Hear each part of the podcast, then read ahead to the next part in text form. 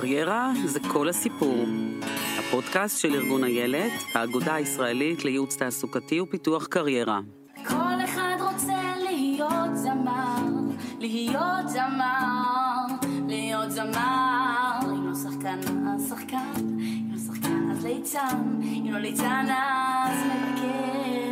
כל אחד רוצה להיות כוכב, להיות כוכב, להיות כוכב. האם כל אחד רוצה להיות זמר, או בדרן, או מנכ"ל? לא בטוח. מה שכן בטוח שכל אחד רוצה להיות משהו, מישהו. מטרת הפודקאסט לעזור לכם בקבלת החלטות הקריירה שלכם, החלטות לא פשוטות הרבה פעמים. אני אביא יועצי קריירה שיספרו לנו על איך הם עוזרים למתלבטים, אף יציגו דוגמאות מחדר הייעוץ. אנחנו נביא אנשים מעוררי השראה שישתפו אותנו בהחלטות שקיבלו בקריירה שלהם, ומה עזר להם להגיע לאן שהגיעו.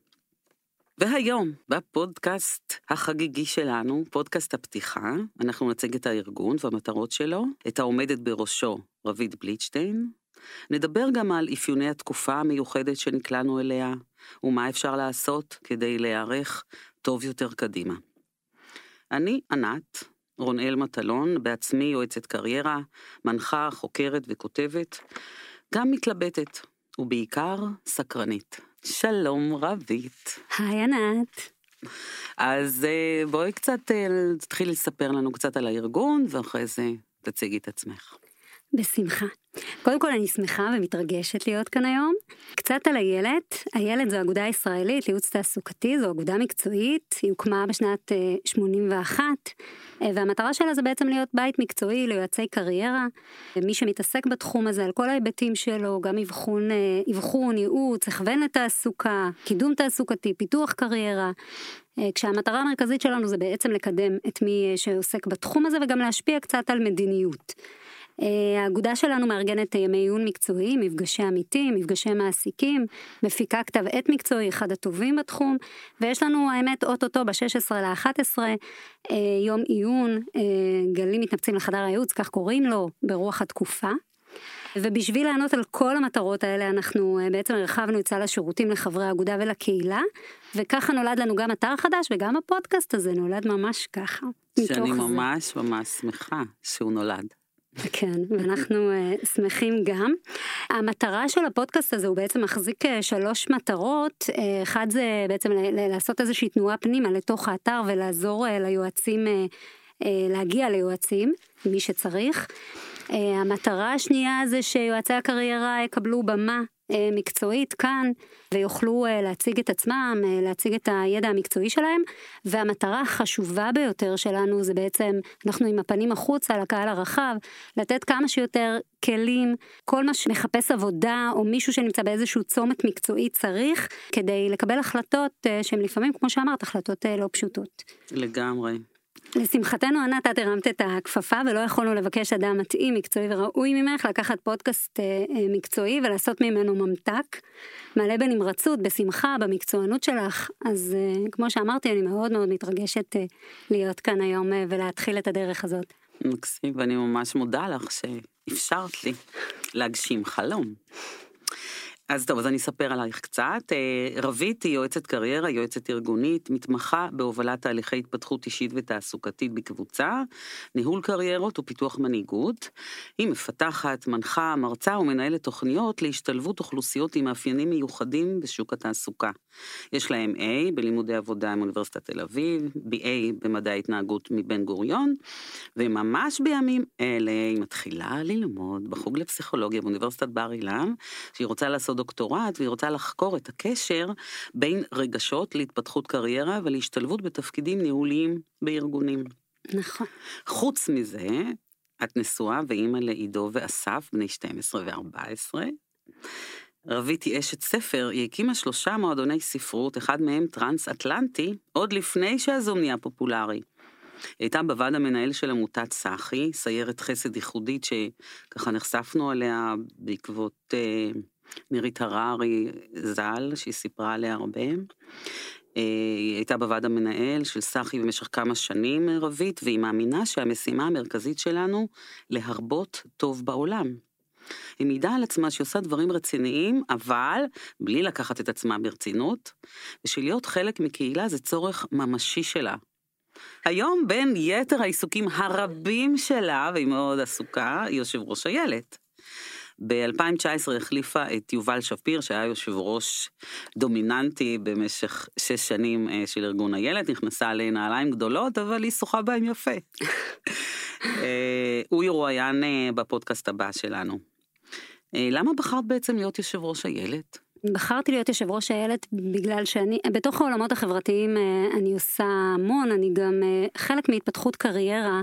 אה, בתפיסה שלי זה לפתח קריירה חברתית, זה משהו שלמדתי אותו בשלב מאוחר בחיים, ובגלל זה הרבה שנים אה, נתתי ככה מזמני ומרצי אה, לעמותת, זה נוכח למעשה, סחי זה תוכנית בתוך עמותת נוכח, 30% מהזמן שלי היה מושקע בעמותה, ואחרי שעמותת צחי נהייתה פרויקט מאוד אה, מוביל גדול וכולי, זה היה הזמן שלי להתחיל לעשות אה, משהו חדש, ובחרתי להשקיע, אמרתי אם כבר להתנדב, ואם כבר להשקיע ממרצי, אז בתוך התחום המקצועי שלי. אה, וזהו, באותם ימים בדיוק אה, יובל החליט שהוא אה, פורש, וכל השאר היסטוריה. טיימינג זה כל הסיפור. לגמרי, זה חלק מהעניין. כן, טיימינג הוא מאוד משמעותי, אנחנו גם נראה בסיפורי הקריירה הבאים שנביא פה שיש לזה משמעות מאוד גדולה, והחוכמה נכון. היא לנצל הזדמנויות, וזה מה נכון שעשית. ועכשיו אני אנצל הזדמנות נוספת, ואני רוצה להציג אותך, ענת. אוקיי. ענת רונאל מטלון הנפלאה. יועצת קריירה אה, ומנחת קבוצות, חוקרת, כותבת בעיתונות על קריירה, עוסקת אה, בכמה תחומים, גם מנחה סדנאות הדרכה לעבודה עם קלפי אימון, גם יועצת ארגונית שמנחה סדנאות לתקשורת וגיבוש בארגונים, נהנית להנחות מעגלי נשים, סיימה תואר ראשון בייעוץ חינוכי וסוציולוגיה ושני בניהול משאבי אנוש, ואת התזה עשית על שינוי קריירה אצל אמהות. לגמרי. זה בעצם, מעניין, אה, למה? אה, כי זה מה שקרה לי. כשהבן הגדול שלי נולד, אה, הייתי שכירה בכלל בתחום הפרסום ושיווק, בכלל לא קשור למה שלמדתי בתארים שלי. הייתי שם ככה כעבודה זמנית אה, עד שאני אסיים את התואר, והזמני הזה נהפך ל-12 שנה. מאוד אהבתי את העבודה, הכיפת הייתה מאוד מכניסה, מאוד התאימה לאותה תקופה. אבל כשבן הגדול נולד, אמרתי, זהו, עכשיו אני כבר צריכה לעשות משהו יותר לנשמה, יותר שאני מרגישה שאני מביאה ערך לעולם. ואז אה, באמת נחשפתי לעולם הזה של הקריירה, אמ, והתחלתי להנחות סדנאות אה, בכל הארץ לעולים חדשים ול... כל מיני אנשים שמשנים קריירה, וגם עשיתי את התואר השני, וזהו, אז חקרתי את שינוי הקריירה שקורים לנשים שהופכות לאימהות. זה היה מרתק. מקסים ורלוונטי מאוד עדיין. את התחלת אפילו דוקטורט בפסיכולוגיה, אבל אחרי שנה הפסקת, כי פחות התחברת. אה, את מתל אביב, נשואה, אימא לשני בנים, אוהבת לקרוא, לנגן, ים, ספורט, טיולים וכמובן לימודים כל הזמן. כל הזמן. כן, אני רואה שלמדת ככה הרבה מאוד, שיטות ייעוץ ואימון שונות. טוב, אז אחרי שאנחנו קצת אה, חשפנו את עצמנו ויודעים מי אנחנו, אז אולי נעבור אה, בעצם למה שהתכנסנו היום. אנחנו רוצות אה, לדבר על אפיוני התקופה המיוחדת הזאת שנקלענו אליה, פתאום בהפתעה, ובעצם את רוצה להציג מה אנחנו יכולים להוציא ממנה. כן, לגמרי. מעולה. אמנם אנחנו ככה באיזה אה, פודקאסט אה, פתיח, אבל אנחנו כאן כדי לתת ערך, ובימים אלה זה מאוד מאוד משמעותי, זה חשוב, זה, זה לא פחות משליחות, באמת באמת. זו תקופה מאוד מיוחדת, התקופה שאנחנו נמצאים בה היום. מתוך התהליכים המאוד מיוחדים ומגוונים שקורים בחדר הייעוץ היום, אה, אני יכולה לומר שגם אצל אנשים שהם לא חוו משבר תעסוקתי, זו עדיין תקופה שהיא תקופה שנחווית אה, כתקופה משברית ברמות כאלה ואחרות. אנחנו התחלנו את התקופה הזאת בפברואר, כבר הספקנו לשכוח, ומדינת ישראל אז הייתה במצב הכי טוב שלה אי פעם מבחינה תעסוקתית, ובשיא שלה אנחנו הגענו לאחוזי חוסר העסקה מטורפים. אה, של למעלה ממיליון אה, מובטלים. אה, היום יש כמה מאות אלפי מובטלים ועובדים שנמצאים בחל"ת, ולפי ארגונים כמו ה-LO, שזה ארגון העבודה הבינלאומי, וה-OECD, לשכת התעסוקה וכולי, זה ברור שאנחנו נמצאים בתוך איזשהו משבר מתמשך. אם חשבנו שזה משהו שיעבור תוך איזה חודש, חודשיים, זה לא הולך אה, לעבור כל כך מהר, ואנחנו נראה את האדוות של התקופה הזאת בשנים הקרובות. וכמו שאמרתי קודם, לצד החוסר יציבות אה, התעסוקתית, אה, אנחנו כולנו חווים בצורה זו או אחרת תחושה של שבר מתמשך, יש כאלה שברמה הפיזית, הנפשית, הגבלה על החופש, החיים שהשתנו לנו פתאום. אה, ונראה לי שזה בעצם הדבר המרכזי שמטלטל כל אחד מאיתנו בעוצמות אה, שונות ואחרות, אבל בהחלט מטלטל, שהחיים השתנו לבלי הכר, ואנחנו חיים בתקופה שמה שמאפיין אותה זה אי ודאות ואי בהירות. כל לגמרי. מה שהכרנו השתנה. כן. אז זה מזמין אתגרים, אה, בטח ובטח בהיבט התעסוקתי, שעבור אה, רבים מאיתנו זה גם הזהות שלנו, זה לא רק המקום שאנחנו אה, משיגים בו משאבים כדי להתקיים ולהתפרנס. יחד עם כל מה שככה מאפיין את התקופה הזאת עם המשבר הזה שאנחנו חווים, אני אה, רואה בתקופה הזאת גם הזדמנות, קלישאה ככל שזה יישמע. אה, זו הזדמנות אמיתית, במיוחד לחבר'ה שנמצאים בגילאי 40 פלוס. שגם ככה הם מתלבטים, ופה יש להם הזדמנות לעצור, כי הרבה פעמים אומרים ששינוי נעשה כשאנחנו עוצרים, וצריכים ליצור את השינוי הזה, והרבה פעמים אנחנו, אין לנו כוח לעצור, לעשות את זה. הרבה פעמים אנחנו בשגרה הזאת של העבודה, ומה, אני אעזוב עכשיו, ולא טוב לי פה, בעצם אני לא שלם עם זה, אבל... ורק אם מפטרים, שזה לא נעים, נאלצים לעשות פתאום, לחשוב מחדש מה אני הולך לעשות, איך אומרים, לחשב מסלול נכון, מחדש, נכון. ופה הרבה אנשים מצאו את עצמם בלית ברירה במקום הזה, ופתאום יש הרבה אנשים שיצא להם טוב מזה. אני מסכימה מאוד, אה, למרות שקשה לי כאילו להגיד יצא טוב, כי באמת יש הרבה מאוד אנשים שנמצאים כרגע במצבים מאוד מאוד מורכבים. אה, אז ההזדמנות היא, כמו שאת מתארת, גם המקום הזה של העצירה שמחייב אותנו לעשות תהליכים של שינוי, אבל לא רק זה. יש גם את העניין שהתקופה שאנחנו נמצאים בה, היא בסך הכל חלק מאיזשהו אה, משהו שהיה קורה בכל מקרה, תהליך שהיה קורה בכל מקרה. פשוט האצה של תהליך. כאילו העתיד אה, האיץ והקדים את עצמו, ובעצם בני ה-40 פלוס מקבלים פה הזדמנות חמש שנים קודם לעשות, אה, להתארגן מחדש, להתארגן מחדש, לסגל לעצמם יכולות חדשות, כישורים חדשים שמתאימים יותר לעולם החדש. אני לא אוהבת כל כך את המילה העולם החדש, אבל לעולם התעסוקה כמו שהוא השתנה והוא היה משתנה באופן הזה בכל מקרה. זה גם כמו שאמרת, בעצם קיבלנו את העתיד בזבנג לפנים. כן. זה משפט אה, לא פשוט, אבל אה, נכון. התחברתי אליו במקום הזה שהוא באמת מתאר, חטפנו זבנג לפנים. כן, והזבנג הזה הוא, הזבנג הוא לפעמים מתנה, אין מה לעשות, כי הוא מטלטל אותנו והוא, אה, אז תראי, השינוי היה יכול, הוא היה קורה, אבל הוא היה קורה בצורה יותר איטית. ויכול להיות שלא היינו מרגישים אותו מספיק טוב, ועד שהיינו מתעוררים, זה היה יכול להיות too late. ועכשיו הזבנג הזה מחייב אותנו להתעורר. אנחנו אה, כאן כדי אה, להתארגן מחדש. את יכולה טיפה לספר לנו על אתגרים שאת פוגשת בחדר הייעוץ, זה, זה שונה מבדרך כלל? אני אגיד לך את האמת, הדברים שמדברים עליהם הם די אה, דומים לדילמות שפגשתי גם בעבר. הדילמות לא השתנו. על אף שהתקופה היא אחרת, הדילמות לא השתנו. יש מי שמחפש את הדרך התעסוקתית שלו, יש מי שמחפש לעשות איזשהו שינוי אה, מקצועי, יש מי שמבקש לחזור להיות מועסק אה, באותו תחום בדיוק, או מי שמחפש את התפקיד הבא שלו.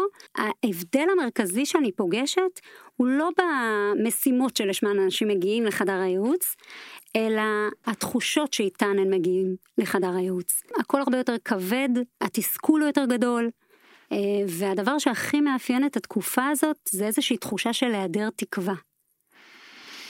אה, ו- וזה שונה מהעבר בעיקר ברמה, בעוצמות. העוצמות הן הרבה יותר חזקות מבעבר.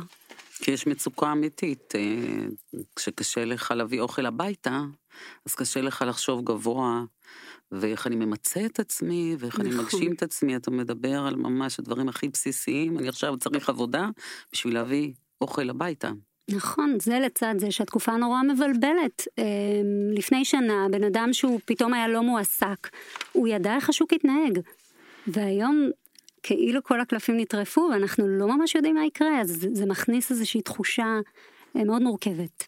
כן. אז מה באמת אפשר לעשות? להיערך טוב יותר קדימה.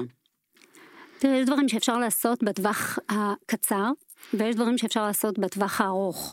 הטווח הארוך הוא מאוד מאוד חשוב אה, במובן הזה של להתחיל להניח תשתיות כדי שיהיה לנו מספיק עוגנים לבנות את הקריירה שלנו קדימה ולהיות יותר בטוחים מבחינה תעסוקתית כמה שאפשר. אז בטווח הארוך אני אתן ככה איזה שישה עקרונות שהם עקרונות אה, מרכזיים. עיקרון ראשון זה אה, להתיידד עם הטכנולוגיה. ספרי לי על זה. את מדברת על 40 פלוס, 50 פלוס, והיום אנשים גם עובדים 60 פלוס, וגם עושים שינויי קריירה בגיל הזה, וזה מאתגר. מאוד מאתגר, אבל אין ברירה. אני יכולה לתת לך ככה דוגמה ממש אה, פיקנטית אה, מחדר הייעוץ אה, של משהו שהיה לפני שבוע, של מישהי שהיא סביב גיל 60, והיא מנחת קבוצות לאורח חיים בריא, זה מה שהיא עושה ב-20 השנים האחרונות. והיא פוגשת אנשים פרונטלית, ככה היא רגילה ויודעת והיא אלופה בזה. ופתאום השתנו החיים, ואין עבודה כרגע פרונטלית. וזה או שאת מתארגנת מחדש, ואת פוגשת את הזום, או את, הפ... לא משנה איזה פלטפורמה, אבל היא חייבת להיות טכנולוגית, היא חייבת להיות אינטרנטית, היא חייבת להיות רחוקה, אה, ומתחילה להתארגן על, ה... על העניין הזה, אה, או שאת ללא עבודה. כששוחחתי איתה על זה, אז היא אמרה לי, רבי, תקשיבי, זה לא רק העניין הזה. אני צריכה את, אני צריכה את הילדים שלי לידי, שיפעילו לי את המחשב, שיחברו אותי, התחושה הזו תחושה מאוד קשה, שאני תלויה. כן. כן. אני רגילה להיות עצמאית, אני לא רגילה להיות תלויה. כן.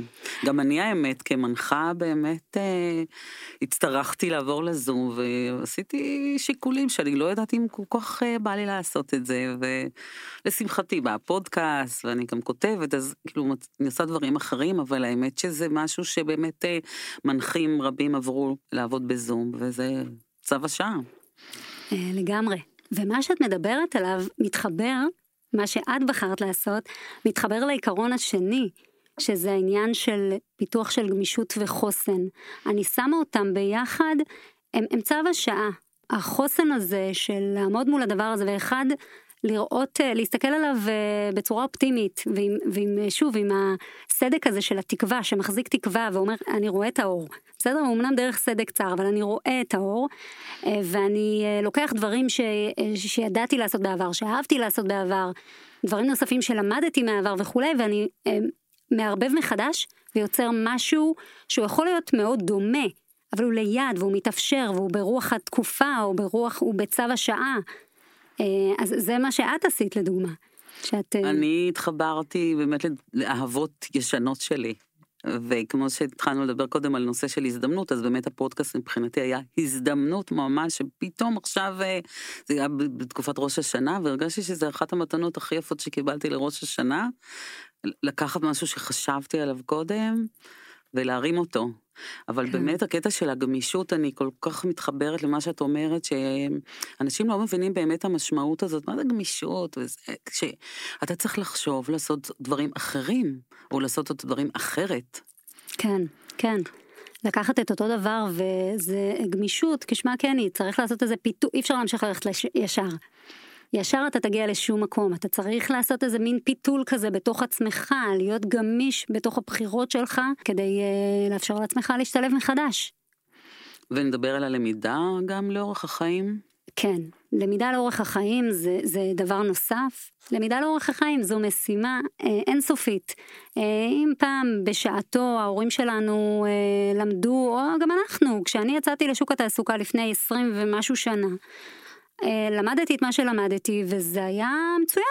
כאילו היה ברור לי לאן אני מתפתחת אה, ברמה המקצועית ו- וזהו וזה היה ממש בסדר. אה, ואנשים ניהלו קריירות שלמות ככה במשך עשורים והכל היה בסדר אבל החיים השתנו. והיום צריך כל הזמן ללמוד ללמוד בעיסוק שלך זאת אומרת, אתה צריך כל הזמן להיות מעודכן בתוך העיסוק שלך, ואתה צריך גם להיות מעודכן בדברים שנמצאים ליד העיסוק שלך, ואולי אפילו לפעמים גם קצת יותר רחוקים מהעיסוק שלך. שוב, כדי לאפשר לך את אותה גמישות. אגב, למידה לאורך החיים היא גם למידה עצמית, זה ללמוד איך ללמוד, כי אי אפשר כל דבר ללכת ולהיות מושקע עכשיו ב... קורסים. כן, בדיוק. כן, למידה לאורך החיים היא משהו שהוא, אה, שהוא קריטי, ו... והרבה אנשים היום עושים, אה, גם מבינים את זה וגם עושים את ההתאמות, אם זה בתוך תחום העיסוק שלהם, הולכים ולומדים. יש עכשיו אה, מישהי שאני מלווה, שהגיעה מעולם השיווק, אבל עולם השיווק היום רוצה מדיה, אוקיי? היא הייתה תותחית על חלל, באמת. אה, אבל עולם השיווק רוצה מדיה, והיא לא קשורה למדיה, היא לא מנוסה במדיה וכולי, אבל אין ברירה. ובאין ברירה, אז היא הולכת והיא לומדת, והיא תעשה את מה שצריך כדי להשתלב מחדש ולהציע גם את זה. סל כלים חייב להתרחב. לגמרי, לגמרי. ונדבר על פרואקטיביות. כן, פרואקטיביות כדרך חיים. פרואקטיביות אה, זה, זה בעצם לייצר עבור עצמך את ההזדמנויות. אה, זה שריר שצריך לאמן אותו מאוד חזק, זה לא פשוט בכלל, בכלל, בכלל, אבל הוא יותר מצו השעה.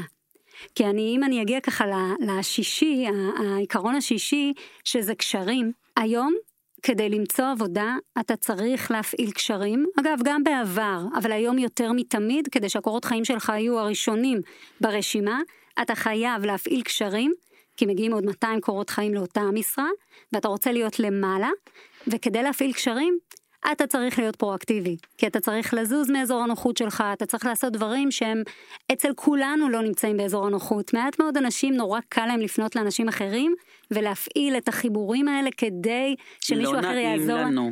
נכון, לא נעים, לא נעים, זה באמת, אה, אבל כשלומדים לעשות את זה ולומדים לעשות את זה נכון ורואים את התוצאות והפירות, אני רוצה להוסיף באמת לקטע של הפרואקטיביות, בגלל שבאמת עולם העבודה השתנה וגם מקובל היום אה, לעשות שינויים, ומקובל אפילו לעשות כמה דברים במקביל, מה שפעם אמרו תתמקד בדבר אחד, והיום mm-hmm. הרבה אנשים עובדים גם כשכירים וגם עצמאים וגם פרילנס, אני חווה את זה. נכון.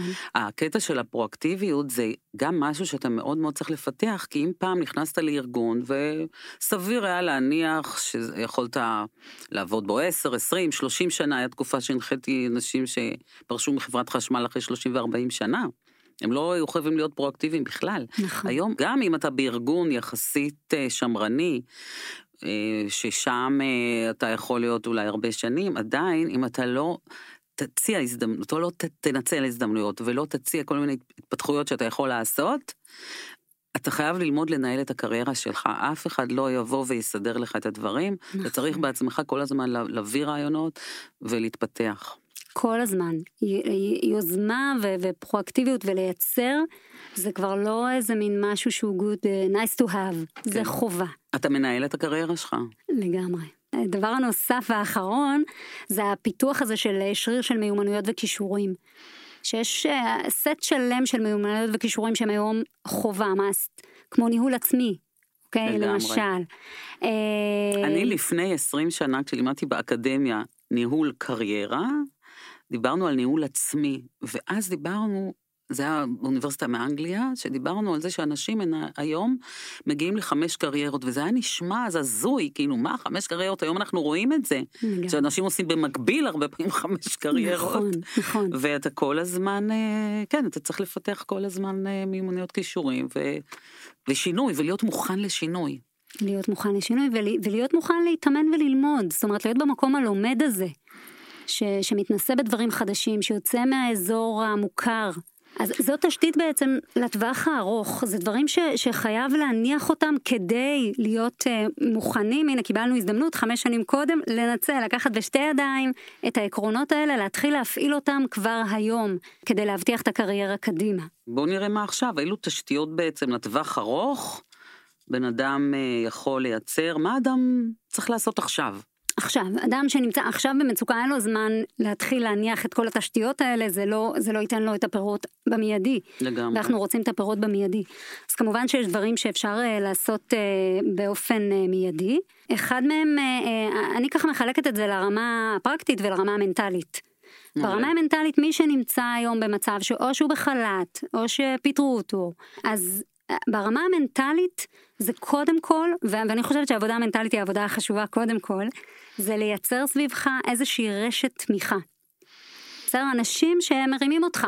ביקורת ואנשים שככה אה, נותנים לך זפטות וכולי, זה לא הזמן, כי אתה מספיק אה, בחוויה הזאת בעצמך. כי ראיון עבודה, אני תמיד אומרת שזה כמו, התהליך הזה הוא כמו אה, הפוסטר של דרווין. נכון, הפוסטר של דרווין זה קוף שכזה מתיישר, בחיפוש עבודה זה הפוך. אתה מתחיל ישר ואתה הולך ומתכופף כל הזמן, כי אתה חוטף כל הזמן את הבוקסים האלה לבטן, כל לא כזה, גם של עבודה שלא רצית, אה, לא נעים. אתה בוחר את האנשים שהם אנשים שמיטיבים איתך, אתה מכיר אותם, אתה יודע שהם אלה שמרימים אותך, שרואים אותך באור היפה שלך, ויכול להיות, אתה גם יכול, אפשר גם להגיד את זה לאנשים. אני עכשיו בתהליך של אני, אני צריכה שכל פעם שאני אה, חוזרת מראיון או מקבלת איזה לא, אני מרימה אליך טלפון ואת מזכירה לי מי אני. את מזכירה לי את החלקים החזקים שלי, את החלקים המיוחדים שלי. אה, צריכים ללמוד לבקש. שזה גם מיומנות שצריך לפתח נכון. אותה. הרבה פעמים אנחנו מצפים מהסביבה שלנו שיבינו וידעו, לא, הם לא יכולים לנחש, הרבה פעמים צריך ללמוד לבקש. נכון, נכון, וזה סופר חשוב, כי הרשת תמיכה פה היא קריטית. כי אם קיבלתי לא, אני לא יכולה להגיע עם הלא הזה לרעיון הבא שלי. כי האנשים אה, את איתם את. הלא, מאבדים את הביטחון, מפתחים אה, מרמור, תסכול, עצבות, ומגיעים עם כל האנרגיה הזאת לתוך הרעיון, ואם יש משהו שאי אפשר לעשות זה להגיע בצורה הזאת לרעיון, כי זה להבטיח, עדיף לא להגיע. לגמרי. זה להבטיח את הלא. אני תמיד הייתי אומרת אה, לאנשים בסדנאות הכ- הכנה לשוק העבודה, כשאתה מגיע לראיון, אתה בתוכך צריך להיות במיליון אחוז בטוח שאתה הבן אדם הכי מתאים למקום הזה. לבוא בביטחון, אם אתה לא מאמין בזה, איך תעביר את זה הלאה? נכון, נכון. אה, אז, אז זה דבר אחד, והדבר השני ברמה המנטלית זה להחזיק תקווה ביחס לעתיד. זה להאמין בוודאות מוחלטת כאקסיומה, שאת את או אתה תמצאו עבודה. בסדר? זה לא לנצח המצב הזה, הוא זמני. לגמרי, זה רק בוודא- יכול לקחת יותר זמן. נכון, נכון. אז הזמן, אנחנו לא יודעים כמה זמן, אוקיי? אבל זה שזה יקרה, חייבים להחזיק ודאות ביחס לזה שזה יקרה. אה, כי זה state גם of אם mind אה, מאוד חשוב. תיאלץ אה, בתקופה כזאת להתפשר. תשמע, אני מכירה אנשים שהיום, אה, את יודעת, היו להם עסקים עצמאיים ולא יכולים כרגע לתפעל אותם, והם אה, הלכו לעשות דברים אחרים שאולי לא נכון. התכוונו לעשות, כמו לעבוד ברשתות מזון או לעשות שליחויות. כרגע העיקר להביא כסף הביתה, זה לא אומר שזה יהיה העתיד שלהם והקריירה החדשה שלהם, אבל זה גם מתחבר למה שדיברנו על נושא של גמישות. נכון, נכון. אבל אתה תמצא, אם אתה רוצה, ואם אתה יודע שאתה חייב, אתה תמצא, אבל תצטרך להתפשר בשלב הנוכחי. אה, כן, הרבה או פעמים. ש- לא בהכרח, עניין- אבל כן, יכול להיות. זה עניין של בחירה של איזה מחירים מוכנים לשלם. זאת אומרת, יכול להיות שהמחיר שאני מוכנה לשלם זה זה שאני אחפש עבודה אה, לאורך אה, זמן אה, ארוך יותר. זאת אומרת, ייקח לי יותר זמן. זה גם בסדר. בסדר, אבל לנהל את זה, להיות במקום של הבחירה, לא במקום של הריאקטיבי, המקום הקורבני הזה, של כן. כאילו הדברים קורים לי. כן, זה היה ככה אה, ברמה היותר מנטלית, וברמה הפרקטית, זה אה, אחד זה להתחיל לנהל את התהליך הזה. אה, אני מכירה הרבה אנשים שהם מחפשים עבודה והם נרשמים לפורטלים וכולי, ואז הם, הם סומכים על הסוכן החכם. אז אני רוצה להגיד משהו על הסוכן החכם. הסוכן החכם איננו חכם, ואי אפשר לסמוך על הסוכן החכם, זה איזשהו בוט שבעצם שולח משרות. אה, ואז אנשים פותחים את המייל שלהם בבוקר ומקבלים את רשימת המשרות שלכאורה מתאימה להם. מה שקורה עם הבוטים האלה שהם לא כאלה, הם לא עד כדי כך מתוחכמים, הם לפעמים שולחים משרות לא מתאימות, וכמו שהם שולחים משרות לא מתאימות, הם לפעמים מפספסים משרות מתאימות. וחבל, צריך להיכנס כל בוקר לעבוד בלחפש עבודה. צריך להיכנס כל בוקר לכל הפורטלים, לעבור אה, על כל התחומים הרלוונטיים, אה, לבדוק אם יש אה, משרות אה, חדשות, להצטרף לכל הקבוצות בפייסבוק, בוואטסאפ, בטלגרם, בלינקדין, אה, ועל בסיס יומי לזכור את המשרות החדשות, לא לסמוך על אחרים שיעשו את זה בשבילנו, לא לסמוך על הסוכן החכם כאמור, אה, וממש להיות, אה, אנשים, לנהל אני את הדבר. חושבת שגם לא כל כך מודעים ש... נגיד אתה רוצה לעבוד בחברה מסוימת, אתה יכול להיכנס, יש לה בתוך האתר שלה הרבה פעמים דרושים. נכון, אנשים לא מודעים לזה נכון. בכלל, פשוט לפנות ישירות לחברה. אתה מגדיל את הסיכוי שלך, נכון. כי כשאתה פונה למשרה שהיא פורסמה ברבים, אתה עוד אחד מתוך עשרות או מאות אנשים שפנו לזה, ואז זה מקטין את הסיכוי שלך, אבל כשאתה פונה ישירות לחברה, הסיכוי שלך גדל אפילו, אני הייתי אומרת לאנשים אפילו כשהם לא מחפשים. לפעמים אתה פונה לאיזשהו מקום, אתה יודע שאתה ממש יכול להביא ערך לחברה הזאת, אתה בטוח בזה, אתה יודע, אתה יודע עשית ספירת מלאי לדברים שלך ומה הם צריכים, עשית טוב שיעורי בית, ואתה מגיע לשם, יכולים אפילו להגיד, אתם יודע מה, לא חשבנו לחפש אדם במשרה הזאת, אבל אם אתה פה, וואלה, יש על מה לדבר ואתה יכול להביא לנו ערך, ואולי אה, אפילו נאלץ אה, לשחרר מישהו אחר שהוא לא עושה את הדברים האלה כל כך טוב. אז לא לפחד לפנות ישירות לחברות, הסיכוי שלך יותר גדול מאשר אם תפנה דרך אה, מודעות דרושים למיניהם. נכון, זה פרואקטיביות. כן. בסדר? זה, זה. פרואקטיביות. כן. וגם אה. מעש... לא לפחד, כי מעסיקים רגילים לזה שפונים אליהם. אנשים מתביישים לעשות את זה, חושבים שזה לא מקובל, זה מקובל. וגם אם זה לא מקובל זה בסדר. כן. זאת אומרת, זו המשימה היום, המשימה, כל עוד עושים את הדברים בצורה שהיא מנומסת וראויה, ואתה בטוח שאתה יכול להביא ערך שם, נכון. אז אתה תעביר את זה. דבר נוסף זה, זה לקחת חלק, להצטרף לקהילות של מחפשי עבודה. בסדר? זה, זה מגדיל מאוד את, אה, את הרשת, אה, קודם כל אתה פוגש אנשים שדומים למצב שבו אתה נמצא, אה, וזה צרת קבוצת רבים. תמיכה. כן, נכון, נכון, זה אתה קבוצת לא לבד, תמיכה. זה מאוד חשוב. לגמרי. ונוצרים שם המון חיבורים, ויש המון מרחבים כאלה, יש מרחבים וירטואליים ויש גם מרחבים שהם מרחבים פיזיים. למשל, היחידה ללימודי חוץ באשקלון הקימה עכשיו איזשהו מרחב מאוד גדול ביחד עם לשכת התעסוקה.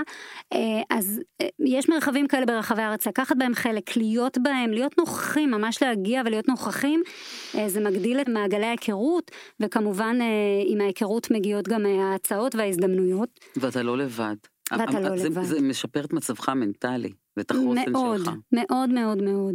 ואתה גם מתעסק בדבר, זאת אומרת, אתה הולך למרחבים האלה, אתה פוגש אנשים, אתה מתעסק בלחפש עבודה. זה גם מסגרת. כן. כי מאוד קשה מהבית לבד לעשות את זה. נכון. דבר חשוב נוסף זה לא להסתפק אה, בלשלוח את הקורות חיים.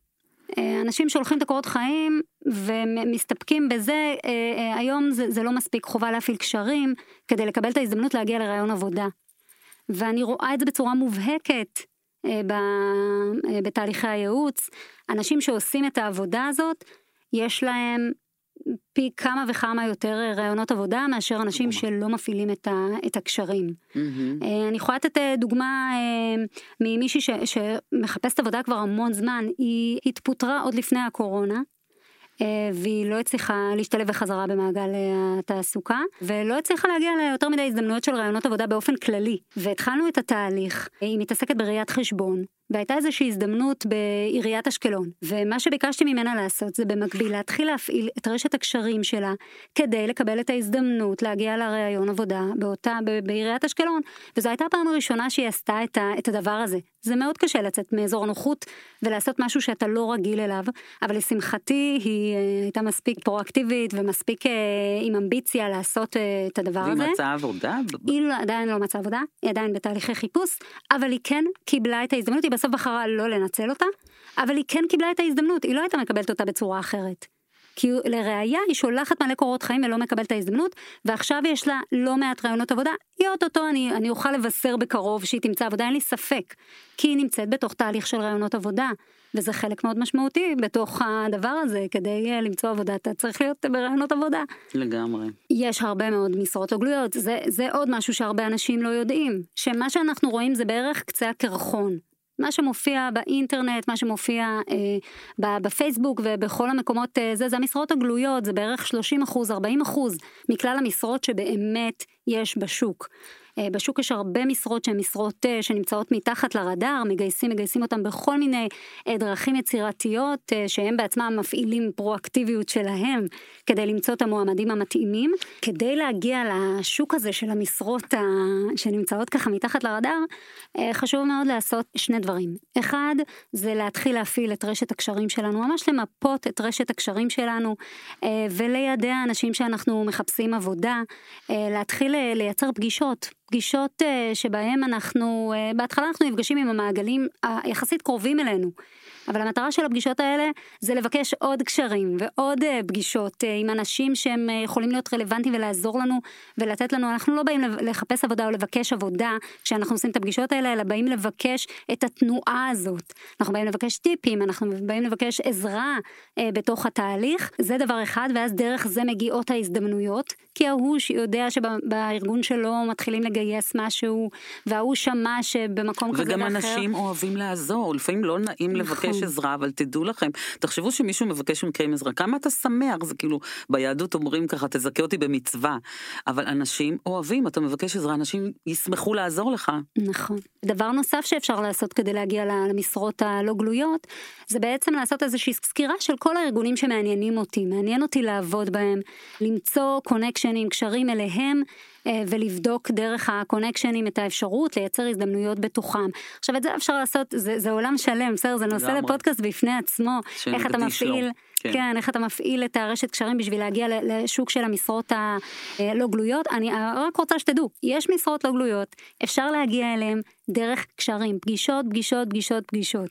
כל הזמן, להרחיב את מעגלי ההיכרות שלכם עם אנשים, כך היו לכם יותר הזדמנויות. ולא. להתבייש. לא להתבייש. אני אתן לך אה, עוד דוגמה, אני מכירה מישהו שהוא עוסק בשיווק בהייטק, הוא עזב חברה לפני הקורונה, מצא את עצמו בזמן הקורונה, פתאום אה, מתקשה למצוא עבודה, אבל יש לו כישורים מאוד טובים וניסיון והוא מאוד אה, בטוח בעצמו, והוא נכנס באמת לאיזה ארגון והוא ראה שם שמחפשים איזה תפקיד, הוא שלח קורות חיים, במקביל בלינקדין הוא יצר קשר עם זו שמנהלת משאבי אנוש שם, והוא אמר לה, תקשיבי, אני מאוד מתאים לכם כי XYZ, היא הודתה לו, היא אמרה לו, איזה מזל שפנית אליי ישירות בלינקדאין, אחרי הייתי מפספסת אותך, כי קיבלתי כל כך הרבה פניות ולא הייתי מגיעה אליך בכלל. פשוט אמרה לו תודה והוא התקבל לעבודה הזאת. הוא עקף כאילו את כל הערימת וירטואלית הזאת של הקורות חיים שהיא מקבלת בעצם, והיא לא יכולה להגיע לכולם. זאת המשימה, זאת המטרה. זה גם פרואקטיבי כן. וגם אה, לחשוב מחוץ לקופסה.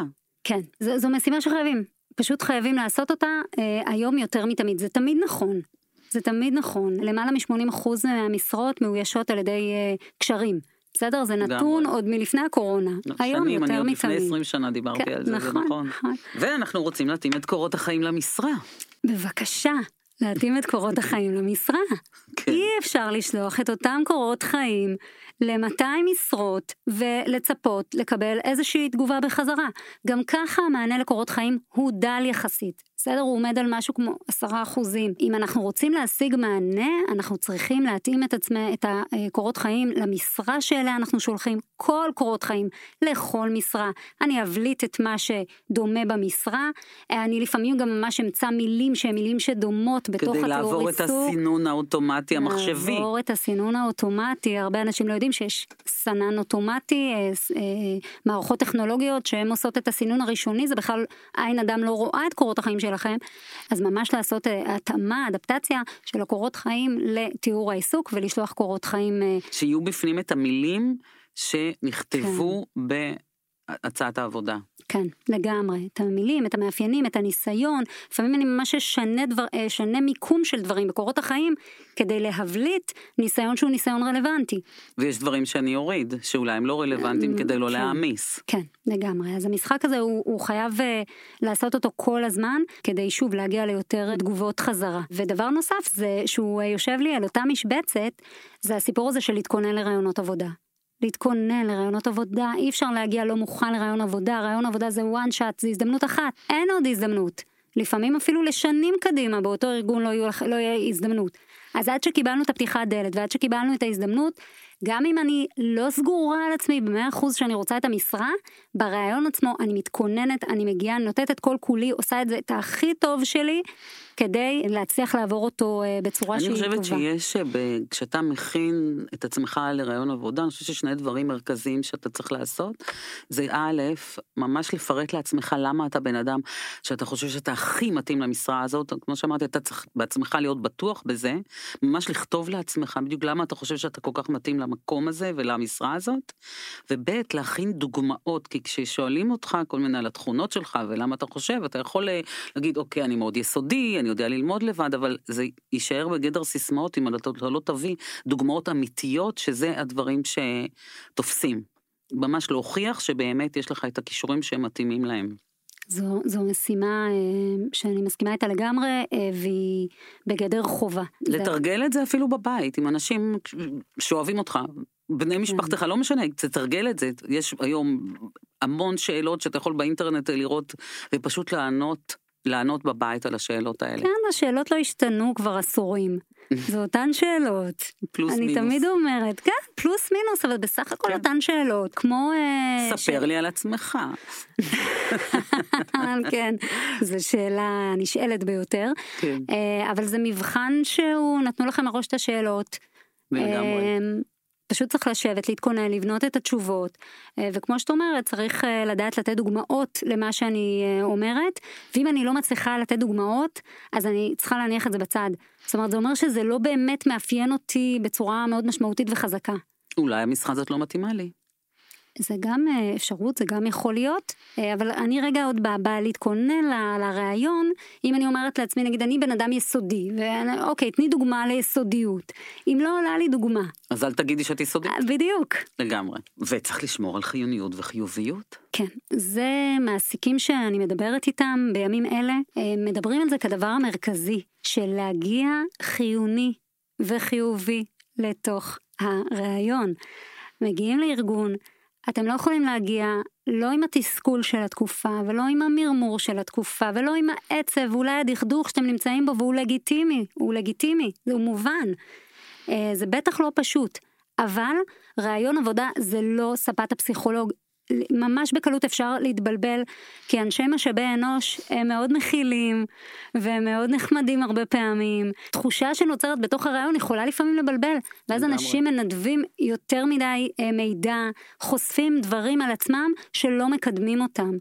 אה, אז מאוד חשוב להגיע חיוניים, נמרצים, לשבת אה, בצורה יציבה על הכיסא, לא להימרח, גם אם אני עייפה, לגייס כוחות, אין מה לעשות, זה לא הזמן להיות עייף, זה לא הזמן להיות אה, אה, חסר כוחות, זה לא הזמן להיות אה, לא חיוני.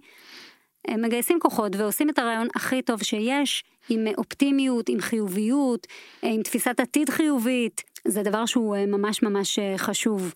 כל כך הרבה דברים עכשיו לימדת אותנו, שזה ממש הנחוץ, אני עשינו את זה ביחד, ש- ענת. כן, כן. לא, זה דברים מאוד חשובים, ובאמת מי שיקח לתשומת ליבו את כל הטיפים האלה, הסיכוי שלו גדל. כן, לגמרי. ובנימה אופטימית זאת, אה, יש עוד משהו שהיית רוצה להוסיף אה, למפגש המעניין שלנו היום? רק אה, להוסיף את ה... איזושהי אמירה אופטימית ביחס לעתיד. אה, להגיד לכל מי שנמצא שם עכשיו בחוץ, בתקופה המורכבת הזאת, שלא מוצא עבודה, שלא מוצא את עצמו, שימשיך לעשות, להיות בתנועה, זה, תנועה זה חיים, וכל עוד אני נמצאת בתנועה, אני, אני בחיים, זה הדברים תרתי יקרו. משמע, אני רוצה רק להדגיש את הדבר הזה שהיום, הרבה פעמים אנחנו נתפסים מצב רוח ירוד ולא כל כך נעים לנו וקשה. תנועה, תרתי משמע, ממש כשאתה עושה ספורט, זה פשוט מרים אותך, זה משהו שאני מקפידה כל יום לעשות, זה נותן לך אנרגיות, לפני שאתה הולך לראיון עבודה, תעשה איזשהו ספורט שאתה אוהב, אני לא יודעת מה, או שתעשה סיבוב מסביב, או שתעשה קפיצות, או. שתעשה, זה מעלה לך את האנרגיות, זה מעלה לך את המצב רוח, זה ממש נחוץ על בסיס יומיומי לעשות ספורט, שזה לא קשור לעבודה, אבל זה קשור למצב המנטלי, למצב שמאוד מאוד כדאי שתהיה בו כשאתה מחפש עבודה, שזה לא פשוט, ובטח לפני שאתה מגיע לרעיון עבודה. תודה רבה רבית, נעמת. ונתת לנו המון ערך, והיה ממש כיף. גם לי היה כיף. חברים, אז אה, סיימנו להפעם, אה, ממש כיף שהייתם איתנו עד עכשיו והקשבתם והיה לכם כל כך הרבה סבלנות, אני מאוד אה, שמחה ובטח לקחתם איזשהו ערך ונשמח לקבל גם תגובות למי ששמע את הפודקאסט הזה, מה לקחתם ממנו, ולהשתמע בפודקאסט הבא. צ'או. night.